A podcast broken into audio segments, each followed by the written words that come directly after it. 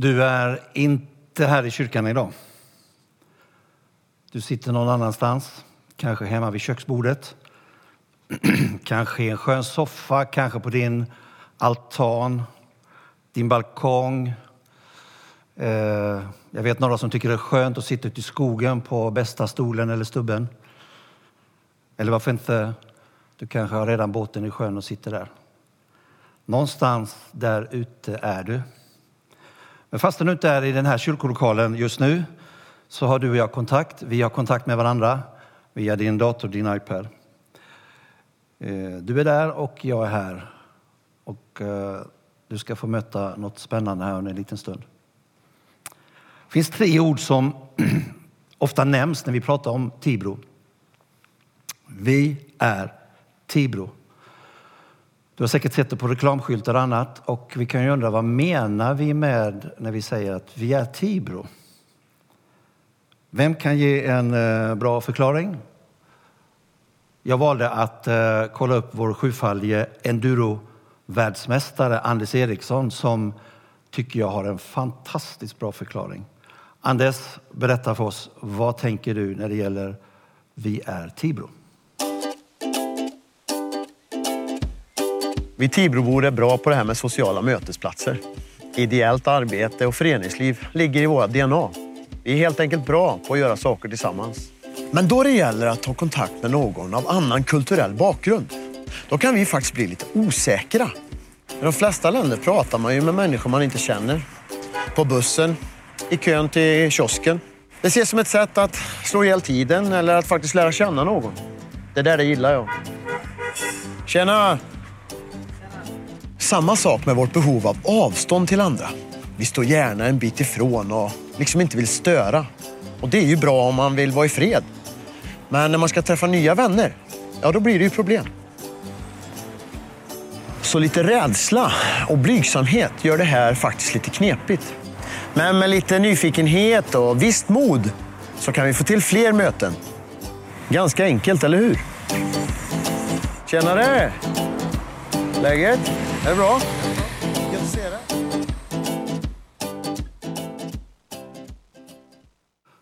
Tack Anders för eh, dina oerhört kloka ord. Eh, kul att se dig vandra omkring på Tibros gator.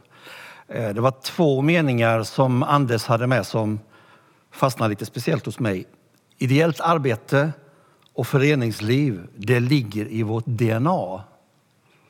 Och det andra han sa var, med lite nyfikenhet och visst mod, då kan vi få till fler möten. Bra sagt Anders, om du nu lyssnar. Riktigt bra sagt. Och den här predikan handlar om möten. Du ska tillsammans med mig få möta fyra fantastiska Tibrovänner. Eh, så stanna kvar en stund och eh, framförallt lyssna på vad de har att berätta. Din nyfikenhet, ditt eh, mod kan leda till ett bra möte med vänner den här förmiddagen. Och eh, kanske även, vilket jag hoppas, ett möte med Jesus personligen. När jag ser Andres vandra omkring i Tibro så kommer jag att tänka på det som står i Bibeln om Jesus. Matteus han skriver, han vandrade omkring, besökte alla städer och samhällen i området. Han undervisade i kyrkorna och spred de goda nyheterna. Han botade alla slags sjukdomar och krämpor. Att möta människor mitt i deras vardag och mitt i det som är deras situation, det var just det som Jesus så ofta gjorde. En del kämpade med eh, sjukdom, ohälsa, andra hade problem av helt andra slag. Det var ett folk som var ockuperat av romarna. Man levde under förtryck. Men där mitt ibland folket kan vi läsa vandrade Jesus varje dag mitt i vardagen under ett antal år. Många personliga möten blev det. Jag tänker på de fyra männen Matteus, Markus, Lukas och Johannes. De har ju berättat, och inte bara det, de har skrivit ner om de här mötena och vad som händer när människor blir förvandlade. Eh, tack och lov att de skrev ner och delade med sig av de goda nyheterna. Det är verkligen min önskan idag när vi träffas så här att du, precis just där du befinner dig, ehm, ska få uppleva en närvaro och en gemenskap med oss som medverkar idag. Jesus tog sig tid. Han stannade upp. Han mötte människor enskilt. Och jag tror och är övertygad om att han vill gärna ha ett personligt möte med dig som lyssnar just nu. Då kanske du tänker, det där är jag inte med på. Hur skulle det gå till? Eh, Jesus är för mig en bibelfigur. Hur kan det bli ett personligt möte? Men lyssna här, jag har ett bra ställe i vår bibel. Jag läser. Men Gud som är rik på barmhärtighet, han har älskat oss med så stor kärlek. Han har gjort oss levande med Jesus Kristus. Av nåden är ni frälsta genom tron, inte av er själva. Guds gåva är det. Hans verk är vi, skapade i Kristus Jesus till goda gärningar som Gud har förberett för att vi ska vandra i dem.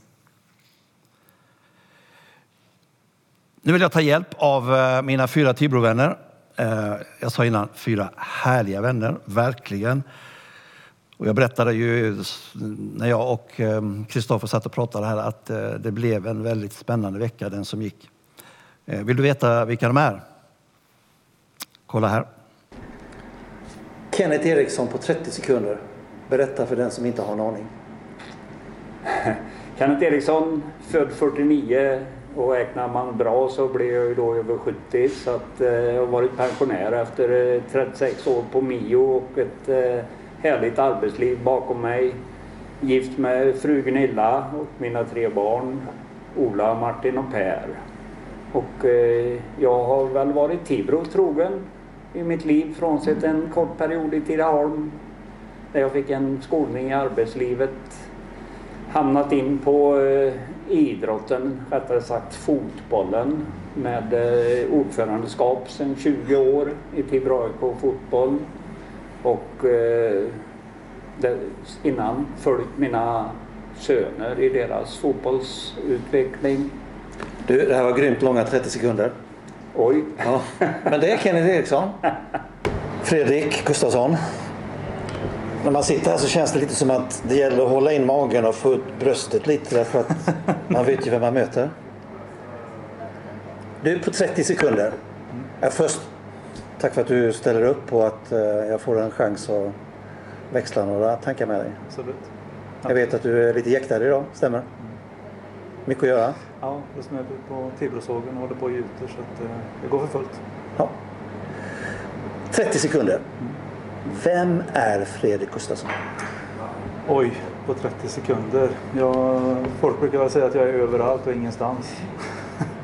är mycket engagerad i Företagarna. Jag driver några företag i Tibro. Jag är föreningsmänniska med Lions och Rotary med mera. Jag är med i många olika sammanhang kan man säga. Hur många timmar tränar du i veckan? Tio kanske. Uppenbarligen så ger det resultat. jo, men det gör det. Jag har hållit på hela mitt liv till och från. Jag började träna när jag var 15, tror jag, 14-15. Sen har jag hållit på i olika nivåer hela mitt liv. Nu har jag en period igen där jag satsar lite mer. Och... Du, om jag säger vi är? Tibro. Vad fyller du i så? Ja, för det tycker jag känns helt rätt just här i Tibro att säga så. Vi ska återkomma till det. För det är tydligen många som säger det och det är, man ser det på många ställen. Mm. Tack för att du eh, tar dig tid att sitta ner en stund och vara med i... Eh, du vet ju om att du är med i söndagens predikan. Ja, mm. det ska bli jättekul att se det sen. Har du predikat någon gång? Jag har aldrig predikat. Nej. Det skulle säkert mina barn säga att jag har gjort, men det är i helt andra sammanhang. Ja, men nu får du vara med mig på söndag. Mm, tack. Du, eh, om jag säger så här. Mattias Pettersson på 30 sekunder. Vad berättar du då? Det är 10 000 kronors frågan Pelle. Mattias Pettersson är 52 år till hösten. Eh, född och uppvuxen i Skövde och bor i Jo sedan ganska länge. Nu 20 år ungefär för att räkna på hur gammal min yngsta dotter är. Och jag har förmånen att jobba här i Tibro som näringslivschef i min egen hembygd. För jag kallar gärna Skaraborg för min hembygd. 30 minuter mellan varje plats brukar jag räkna av det. Det är jag i allt väsentligt. Och drivs jag av någonting så är det av, av människors ideella kraft och förmåga att göra saker med någonting de tror på. Och Jag tror på det jag gör här och det driver mig. Jag är en pensionär som har varit det i 15 år cirka. Jag har över halva mitt liv jobbat med människor som haft multiproblem. Jag har varit duktig på att lyssna och jag hoppas att jag är så än idag. Jag bor i en underbar del av vår värld, nämligen i Bråbacka som är underbart vackert, mitt i naturen. Jag har intressen som jag kan säga är musik, sång och mycket böcker. Vilket berikat mitt liv och gör så. Riktigt trevligt att få möta de här fyra vännerna. Eh, du kan vara lugn, de kommer strax tillbaka några gånger till. Det var så här jag kan förstå att eh, Jesus och hans lärjungar hade det. Eh, Alltså mitt i vardagen så möttes människor och delade lite tankar. De fanns där i Nasaret, Kafarnaum, Jerusalem ibland. De pratade vanligt. De pratade om vardagliga saker och Jesus lyssnade till dem. Och han hade en eh, gudomlig eh, äkthet i mötet med människor. Ett, en närvaro. Men ryktet spred sig snabbt om den här Jesus, snickarsonen från Nasaret. Inte bara att han hade något spännande att berätta, han botade sjuka, han förändrade människor och hjälpte dem mitt i deras nöd. Återigen, mitt i deras vardag. Eh, det är det här jag landar ganska mycket i mina tankar i dagens predikan, mitt i vardagen. När du läser de här böckerna som Matteus, Markus, Lukas och Johannes har skrivit så finner du mängder av händelser och berättelser eh, som just tar upp det här hur Jesus förvandlade livet för människor. Eh, som sagt, många av dem led av sjukdomar, krämpor och annat. Och tillbaka till, till det Anders inledde med, vi är Tibro. Ja, vi är i en verklighet just nu. Eh, en verklighet där mycket har förändrats de senaste månaderna. Jag ska strax låta mina fyra vänner komma tillbaka och svara på lite frågor kring det här som är verkligheten här i Tibro. Jag tänker på pandemi, covid-19, håll avstånd, besök inte 70 plus, Arbetslösheten ökar, ekonomin hos många företag är ganska turbulent. Ja, vad tänker vi? Är det oro, ensamhet som dominerar eller hur ser vardagen ut i Tibro? Kenneth, tillbaka till dig. Vad säger du? Märker du av att eh, människor som du har i din närhet är ängsliga nu kring den här pandemin som pågår? I allra högsta grad. Det, det, alltså, det jag ser det är det här tyckandet att Eh, att människor talar om för andra människor som inte är några experter att eh, man inte ska göra si och så. Och det tycker jag är svårt i detta för att eh, vi vet ju inte så mycket vad som är rätt och fel. Du träffar mycket företagare vet jag på luncher och annat. Är det tufft att vara Tibroföretagare idag skulle du vilja säga? Jo men det är klart att många har ju drabbats och man ser ju på många på möbelindustrin har ju drabbats ganska hårt. Och, eh, men sen hörde jag lite roliga nyheter igår. Jag pratade med några kollegor och de säger att de märker att det börjar komma tillbaka. Det börjar på att vända lite igen och kommer in order. Och, så att, jag tror många har mycket jobb som ligger och väntar men de får en, varken tag i, i material eller liksom det har bromsat upp. Men jag tror ändå, jag är ju alltid optimist liksom. Jag tror på att det kommer att bli en liten uppåtkurva igen när det här väl lugnar ner sig. Det måste lugna ner sig. Arbetslösheten i Tibro idag. Ja. Kan du, vet du hur den ser ut? Alltså ungefär procent eller många? Runt åtta tror jag. Vad är din gissning? Hur ser det ut om ett år? Det kommer nog tyvärr att vara lite mer. Men jag är inte heller så säker på att vi kommer att ha jättestora problem. Den där siffran 8 har jag snappat upp idag någonstans. Jag är inte säker på om den gällde för riket nu eller om den gällde Tibro, men den sades i Tibro-sammanhang. Jag tror att vi framöver kommer att se företag i verksamheter vi inte ens vet existerar idag. Vi kommer att se helt nya entreprenörer, vi kommer att se massor med nya affärsidéer. Vi kommer att se människor göra saker utifrån idéer som vi inte kan föreställa oss just idag. Så därför så kommer nog arbetslösheten att också få se en knäck så att säga. Det kommer att börja bli mer och mer av eget företagande att skapa sina situationer själv. Spännande. Ett år kanske är kort tänkt för det. Men jag tror att det är en resa vi är inne på. Det tror jag kommer sig av hela den här förändringen som, som pandemin skapar eller ger, gör med oss som människor. Vi kommer att se helt annorlunda på hela vår tillvaro. Märker du av med de människorna du har i din närhet att man är ängslig kring allt det som händer nu eller vad ser du? Någon slags ängslan finns. Även om de företagare jag pratar med, de flesta av dem ser att det här löser vi. Vi kommer att komma ur det här, vi kommer inte komma ur det här helt oskadda eller utan stukade vingar. Men vi kommer att komma vidare och vi kommer att göra nya saker. Men vi kommer att klara oss. Frågan är bara exakt i vilken omfattning. Om jag frågar så här, hur tycker du att du och Allan har det i de här covid-19 tiderna? Är det besvärligt, tufft eller vad skulle du vilja säga? Vi har fått lägga om vårt liv radikalt. För vi ser ju och förstår att vi är i riskzonen.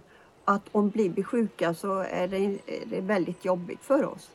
Så vi, har ju, vi är mycket isolerade kan jag säga. Vi har ju förutspelat bowling, vi har haft mycket kontakt med andra människor. Det har vi fått sluta med. För att, eh, så vi tar ju och lever väldigt för oss själva kan jag säga. Vi handlar eh, specerier men vi får ofta hjälp med att göra det också. En son som hjälper oss med det. Är det svårt tycker du att hålla kontakt med vänner och bekanta när det är de här konstiga tiderna? Det är inte alls svårt att hålla kontakt på telefon för det sker ju dagligen som jag har kontakt med flera stycken av mina släktingar som är ensamstående äldre kvinnor. Och eh, de har det väldigt jobbigt. De har mer jobbigt än vad vi har. För vi är två och vi kan prata med varandra, vi kan göra saker, vi kan åka ut i bilen om vi bara vill ta en liten sväng och komma hemifrån. Så att eh, jag tycker att det går relativt bra. Men du märker av att eh, de som är i din bekantskapskrets en del, de är oroliga och ängsliga? Absolut. Jag har ju flera grannar här som är eh, över 70 och en del är också 80 år. Eh, de är väldigt oroliga för hur det ska gå. De går inte ut och handlar utan de har de som handlar åt sig. Och eh, de, så fort vi pratas vid så nämner de just detta med Corona. För det är så stort så det är svårt att greppa om det. Märker du av? Oroliga människor, undrande människor, ensamma människor. Både då på Jesu tid och eh, även idag här i Tibro. Hur tänkte Jesus där mitt i vardagen bland alla de han mötte? Trodde de flesta att han bara var en vanlig 30-åring? En snickarson? Eh, son till Maria, son till Josef, pappa egen företagare. Eller såg folket någonting annat? När Jesus såg all den nöd och oro som fanns runt omkring honom så står det att han kände starkt medlidande med alla de han mötte. Matteus berättade så här. När han såg alla de som följde efter honom kände han medlidande med dem. De visste inte vad de skulle göra eller vart de skulle vända sig för att få hjälp. De var som får utan herde. Det är Matteus kapitel 9. Alltså, det här var inte bara ett ytligt medlidande Jesus kände. För skulle vi välja det grekiska ordet i grundtexten så är det mer att det var som om hela Jesu inre vände sig ut och in. Alltså han var synnerligen delaktig i det han såg. Jesus var angelägen att de han mötte skulle ta emot honom, förstå vem han var, men också lyssna till det han hade att berätta. Vi kan läsa till exempel om en försiktig herre, eller kanske till och med lite feg. Han knackade på mitt i natten där Jesus bodde. Det var Nikodemus, en av de skriftlärde. Han förstod att Jesus är Guds son, men hur skulle han förhålla sig till just det? Han som ändå var lärd. Då sa Jesus till honom, jag citerar, för Gud älskade människorna så mycket att han gav dem sin enda son för att de som tror på honom inte ska gå under utan ha evigt liv. Tänk så enkelt. Den som tror på honom. Det handlar alltså om att vilja helt enkelt säga ja till Jesus. Att bjuda in honom fullt ut. Ehm, eller för att gå tillbaka till Andes film i början. Att vara nyfikna och dessutom tillräckligt modiga för att våga bjuda in Jesus till ett personligt möte. Och jag tror att just ett personligt möte i den situationen där du befinner dig med dina behov, det är viktigt. Men hörni, tillbaka till mina fyra vänner, för jag undrar just kring nu allt det här som sker. Eh, för frågan är absolut värd att ställa. Var är Gud någonstans? Eh, jag går tillbaka till Kenneth igen. Finns Gud där, Kenneth, eller vad säger du? Jag nämnde för dig innan att eh, jag kommer predika på söndag. Och du ska ju vara med i min predikan. Därav att vi gör det här lilla filmklippet. Yes. När vi ser allt det här med pandemin. Vad tror du att Gud är i allt det här som sker? Eh, jag kan säga att jag funderar ju på sånt också och jag tror ju att det här är lite, alltså det här är mina tankar och hur jag har sett liksom det här att det är sånt som är lite förutspått att det ska hända. Att, eh, att människor kanske efter det här får ta eh, flera andetag och att det kommer något väldigt bra ur det här. Ur det perspektivet så tror jag att det finns en högre makt, en Gud som eh, på något sätt ser att nu kanske vi har kommit eh, människa till människa lite ifrån varandra. Jag tror att det här är lite läkande. Har du predikat någon gång inom kyrkan? Nej. Men nu gör du det på söndag för du är med nu. Alltså vi sitter här, det är ju med på söndag i Tibro pingst. Mm. Klockan 10 så sänder vi. Mm. Eh, om jag säger så här. Vad tror du att Gud är mitt i den här pandemin som vi har runt omkring oss? Jag tror att Gud är överallt där vi väljer att se honom. Vi kan välja att blunda för det, som i vilken vardag som helst. Men vi kan också välja att se att Gud finns med oss hela tiden. Vare sig vi är troende eller inte. Och jag tror att fler människor kan välja i tider av kris att ty sig till den typen av känslor som man kanske annars inte gör. Har du predikat någon gång? Nej, det har jag inte, men jag har uh, pratat och gjort, uh, haft ett vittnesbörd som det hette förr. Okej. Om mitt liv. Men om jag frågar dig så här, vad tror du att Gud är nu i allt det här med pandemi runt om i världen? Är han där eller vad? Det är en väldigt svår fråga. Jag tycker att det här är en, eh, en så oerhört stor och svår situation som vi har drabbat hela världen, hela befolkningen, alla människor berörda. Och man kan ju tänka sig att det finns de som tvivlar på var finns du Gud? Finns du verkligen här? De tvivlar på att eh, Gud verkligen han har inte stoppat detta som han kanske skulle kunna ha gjort. Sen finns det de också som känner att det här är min enda tröst, min enda hjälp. Att ha Gud som min tillflyktsort. Som hjälper mig och stödjer mig. Många ensamma människor som jag har pratat med som säger så. Märker du alltså att Tibroborna, eller tror du att de ber mer till Gud idag än vad man kanske gjorde när det var vanliga, normala tider? Det tror jag absolut att så är. För så är det för min egen del. Jag ber och jag tror på att vi kommer över detta. Vi kommer ut på andra sidan. Bort, bortom coronatiden. Och det är viktigt att ha med sig Gud, tycker jag.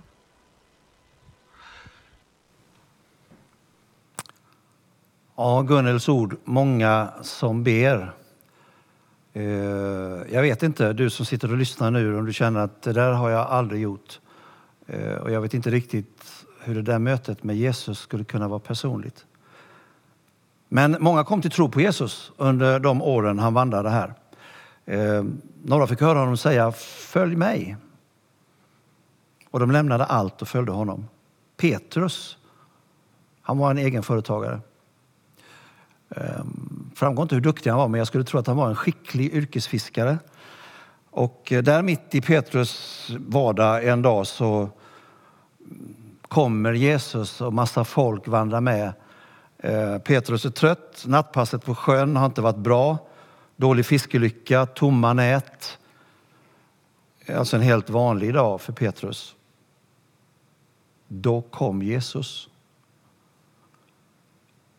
Och Det här är lite spännande att när vi är just i den där vardagen att upptäcka att, men vänta lite, där kommer Jesus.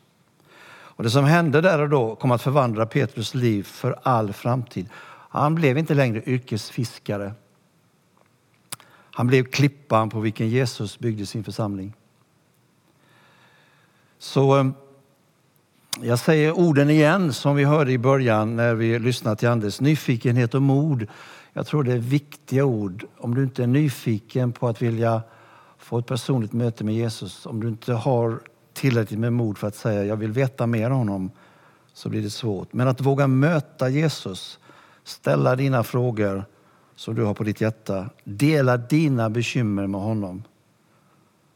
Att du själv får upptäcka att han lyssnar faktiskt med en sån där gudomlig närvarande blick. Många är de som har mött Jesu blick och det har verkligen förvandlat. Höra hans röst och ta emot de där tröstande orden som han vill ge dig. Frågan är vad skulle hända om du mötte Jesus idag? Vad skulle du göra? Vad skulle du fråga honom om? Hur skulle ett sådant möte med honom förändra och kanske till och med förvandla ditt liv? Och kanske resten av ditt liv som det var för Petrus. Jag kunde inte låta bli utan jag ställde de här frågorna till våra fyra vänner och nu möter du dem för sista gången så lyssna hur de tror att mötet med Jesus skulle kunna vara. När vi läser om Jesus så vet vi att han gick omkring där i lite byar och städer, mötte vanliga människor, mötte rätt mycket av behov. Eh, eh, och han försökte stötta upp och hjälpa så mycket han kunde. Men jag funderar på att om du skulle möta Jesus här i Tibro ikväll på vägen hem. Vad skulle du vilja fråga honom då?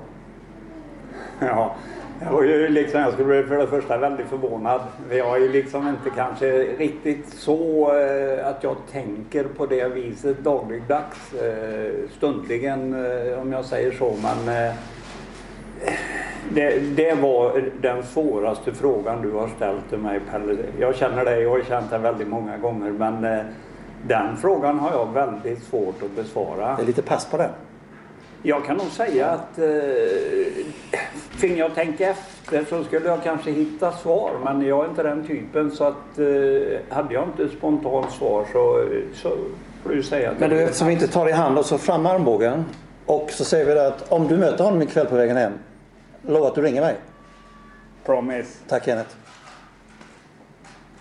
Och det har gått snett några stycken gånger i mitt liv där jag har bränt ut mig ganska illa. Och eh, det var 97 första gången jag brände ut mig väldigt, väldigt illa. Då var jag borta i mer eller mindre knappt kontaktbar i sex månader. Då hade jag mycket god hjälp av Anders Larsson som är med i Pingstkyrkan. Ja.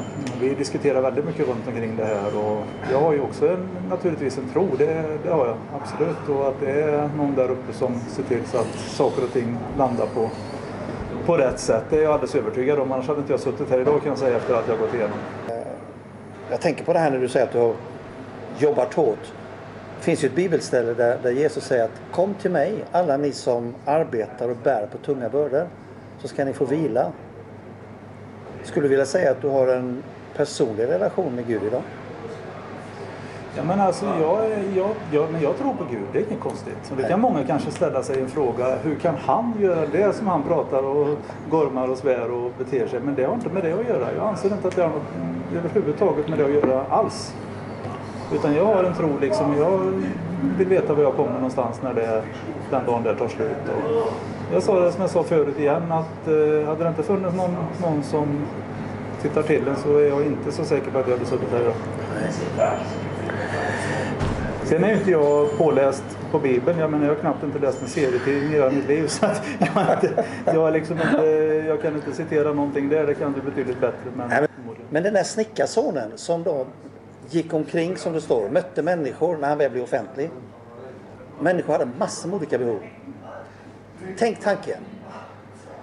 Ikväll någonstans här ute i Tibro eller där du sitter i din stora lastmaskin så möter du helt plötsligt Jesus live nu.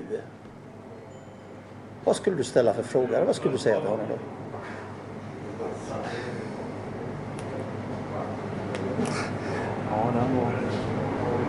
Den är lite god. Hoppas att du inte förväntar dig ett svar här och rätt upp och ner. Och jag vet inte riktigt vad jag skulle fråga. Jag skulle nog kunna tänka mig att fråga eh, var han har varit så länge faktiskt. Eh, Det skulle jag kunna tänka mig att fråga. Jag vet, jag vet att svaret skulle vara att han alltid varit där men jag har inte sett det. Då känner man ju till att det finns sådana liknelser eller berättelser. Vet du vad jag tror att om han skulle sitta här nu hos dig och mig? Jag tror egentligen att han gör det fast vi ser honom inte. Nej. Då skulle han säga, hur kommer det sig Pelle att det är bara du som äter biskvi och inte bjur? Men du vill ju inte ha någon. Nej, jag sa ju faktiskt nej Ja. tack fast lite på ett annat sätt. Så nu checkar jag upp den här och säger med armbågen så här. Tack Mattias för Tack, Pelle. en kul pratstund. Ska bli kul att se på söndag. Okej, ha det bra. Tack. Vad skulle du vilja fråga honom då? Jag skulle vilja fråga honom vad han tror om världsläget. Jag skulle vilja be honom ge människor tröst och hjälp och stöd så att man kan komma igenom den här svåra tiden som nu har, vi nu har.